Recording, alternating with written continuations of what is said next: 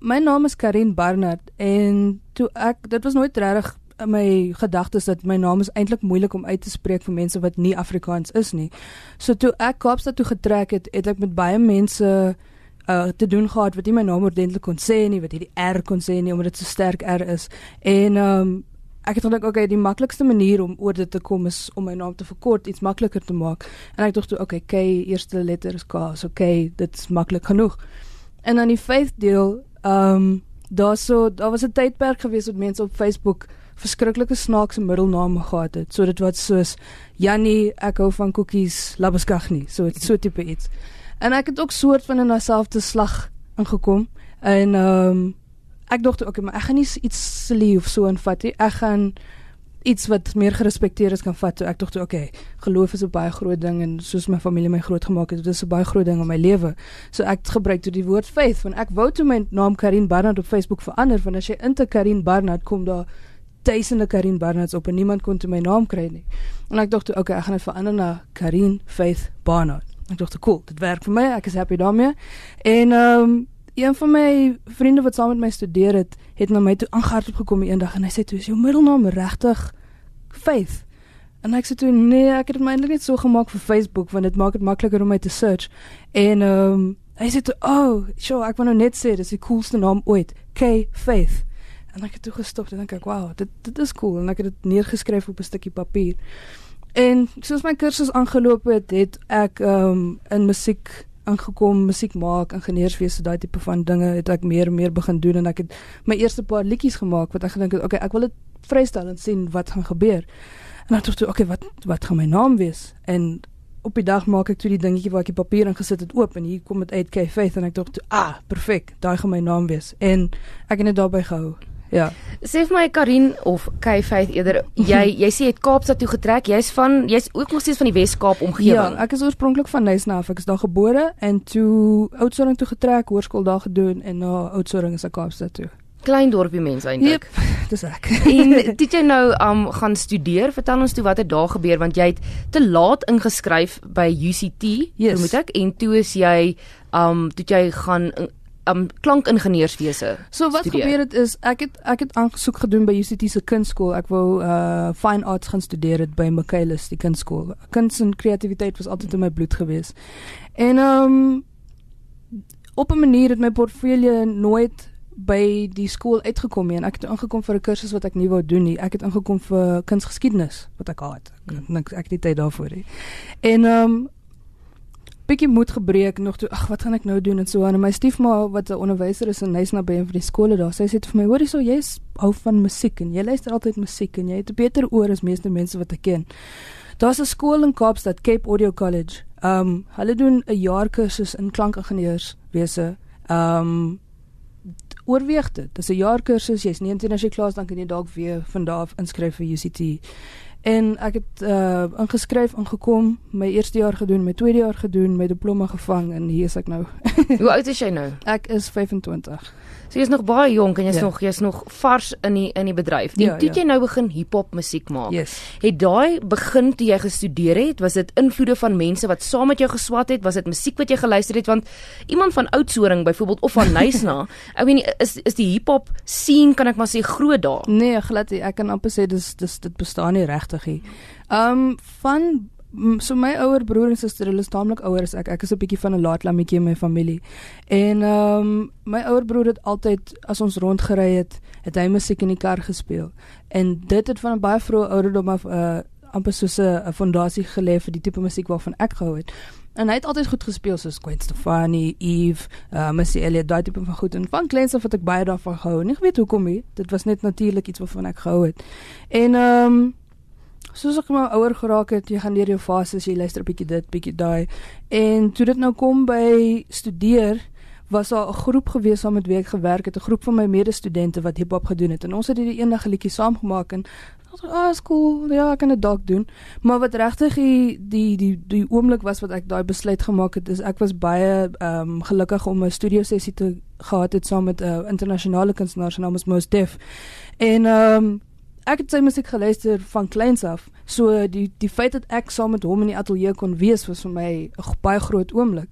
En ek het daai aand in die bed gelê en ek kon nie in die slaap raak nie. Dit was vir my net uh, onwerklik geweest. So ehm um, en na dit ek het geluister na die goed wat ons opgeneem het daai aand en ek dink so weet jy wat ek hou daarvan. Dit laat my goed voel. Dis iets wat ek verstaan. Dis iets wat ek myself kan sien vorder in. Ek gaan hierdie idee van in hiphop spesialiseer gaan ek 'n bietjie jaag en kyk wat gaan gebeur. En binne die eerste jaar van dit doen het dit my so gelukkig gemaak en is iets waarin ek baie presteer het en so aan. So dit was vir my dit was toe 'n natuurlike keuse geweest. Ek het toe gedink, okay, kom, dit dit is wat ek gaan doen. Ek gaan hiphop spesialiseer. Dit klop name genoem internasionale name, Missy Elliot onder andere Gwen Stefani en so aan. Maar in die Suid-Afrikaanse bedryf, yes. is daar baie vrouens wat doen wat jy doen? Ehm um, sover ek weet is daar een ander vrou wat musiek maak. Ehm um, en ek het ook eers 2 weke terug van haar uitgevind. Uh ons het oor Twitter ontmoet. Iemand het gesê ja, julle twee moet met mekaar werk. In terme van die die produksie, weet ek sy is die enigste ander een wat wat doen wat ek en sy doen. Ehm um, in terme van klankingenieur wees nie regtig. Ek ek is nie bewus van enige ander vrouens wat in die hiphop industrie ingenieurswerk doen nie. So uh, as enige van julle daar buite is, kontak my. Ons kan dalk 'n 'n movement begin. ja.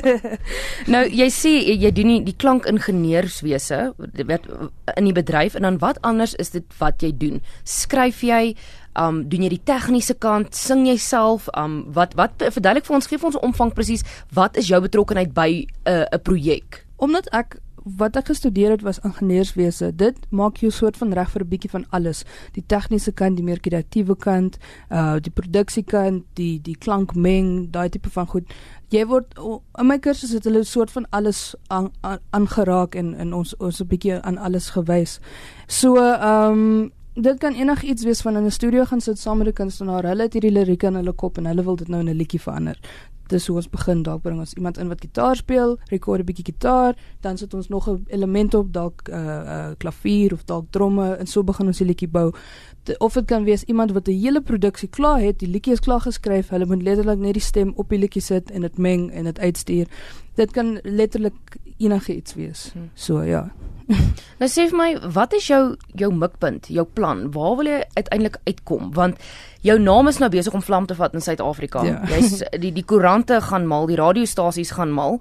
Um jy sal 'n rukkie aan die gang, maar hmm. nou die dinge het begin gebeur. Wat is die plan vorentoe? Wat wil jy graag bereik? Um ek wil so veel as moontlik kwaliteit produksies vrystel en soort van my my brand as K Faith ontwikkel want ek is nou nog bietjie ondergrond eh, soos Kaapstad ken 'n paar mense my in Johannesburg is my my kan ek sê crowd nie baie groot nie. Ehm um, so net om bietjie meer van 'n momentum te bou uh om meer op 'n nasionale vlak bekend te word en nou nie vir die fame and fortune nie maar net letterlik om meer uh opportunities te kry om beter musiek te maak, meer groter produksies te doen. Um so ja, die die volgende stap sal wees om in, om nasionale bietjie meer te groei en dan die groot stap na dit sal wees om internasionaal hmm. probeer 'n bietjie groter te groei. So dit is dit is 'n proses. Ek gaan nie nou vir jou sê o, ek wil oor 5 jaar kan aftree nie. Dit ek, o, my hele plan is ek sal sien waar die pad my vat, ja. Nou Dis seker nou 'n ding wat mense ek ek moet dit ek moet dit noem. Jy is 'n vrou, jy's een van die min Suid-Afrikaanse vrouens wat doen wat jy doen. Is dit iets wat jy moes oor oorkom het? Mense wat jou gestereotipeer het om te sê, "Maar jy's 'n vrou, jy hoort nie eintlik in hierdie bedryf nie." Dis 'n soos die Engelsman sal sê, 'n hardcore bedryf. Is daar sulke goeders wat jy moes oorkom het en mense wat jy moes verkeerd bewys het tot dusver? Ja, in die begin was dit like, "O, oh, kan ek jou vertrou? Ek het nog nooit 'n regte vrou gehad wat my klank meng of so nie." Maar ehm um, baie vroeg het ek probeer om baie werk te doen en met elke dingetjie waarna ek geraak het, het ek probeer om niks beter as die beste te gee nie. En deur van vroeg af daai tipe van idee om my aan my geheg te hê, het baie mense meer vertroue gehad om saam met my te kom werk. En in die begin moes ek 'n paar mense verkeerd bewys en nou is dit meer van O oh ja, ek het al gehoor van jou. Kom ons kom ons kyk wat jy kan doen. En dan weet ek, okay, cool. Die die dis nou challenge ek gaan kyk wat ek kan doen. Ek gaan probeer om hulle van hulle voete af te slaan. En ehm um, ja, ek bedoel dit is kom ons wees realisties. Dis dis moeiliker. Daar's baie meer ehm um, berg om oor te kom as 'n vroumens in enige industrie. Ehm um, so wat ek probeer doen is om vir mense te bewys, luister hierso, jy hoef nie 'n sekere geslag te wees om 'n sekere ding te doen nie. As jy 'n man is en jy wil rokke maak, doen dit. As jy 'n vrou is en jy wil hiphop liedjies ingenieur, doen dit. So uh, ja. Nou dat is baie um baie goed ek wil nie sê goed gebeur. Dit was ongelooflik wat gebeur het.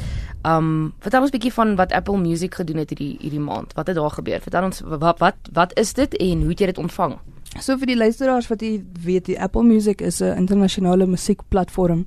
Um Hulle basies wat hulle doen is hulle hulle het 'n spasie geontwerp wat 'n mens jou musiek kan showcase en waar enigiemand reg oor die wêreld gegaan en jou musiek kan luister en koop en share en daai tipe van dinge. En ehm um, hulle het my gekontak want hulle wou my gebruik het as wat hulle noem 'n spotlight artist. So ek het die oggend wakker geraak, ek en my stiefmaat nog ingery na die dorp toe want ek was op 'n dag was ek uh, in Nesna gewees by my familie en ons het ingery dorp toe en ek het gekyk na die boodskap gesê, "Sjoe, uh die ou het my 'n boodskap gestuur. Hy's van Apple Music en hy sê hulle wil my uh album wat ek gemaak het uh op op Apple Music voorstel.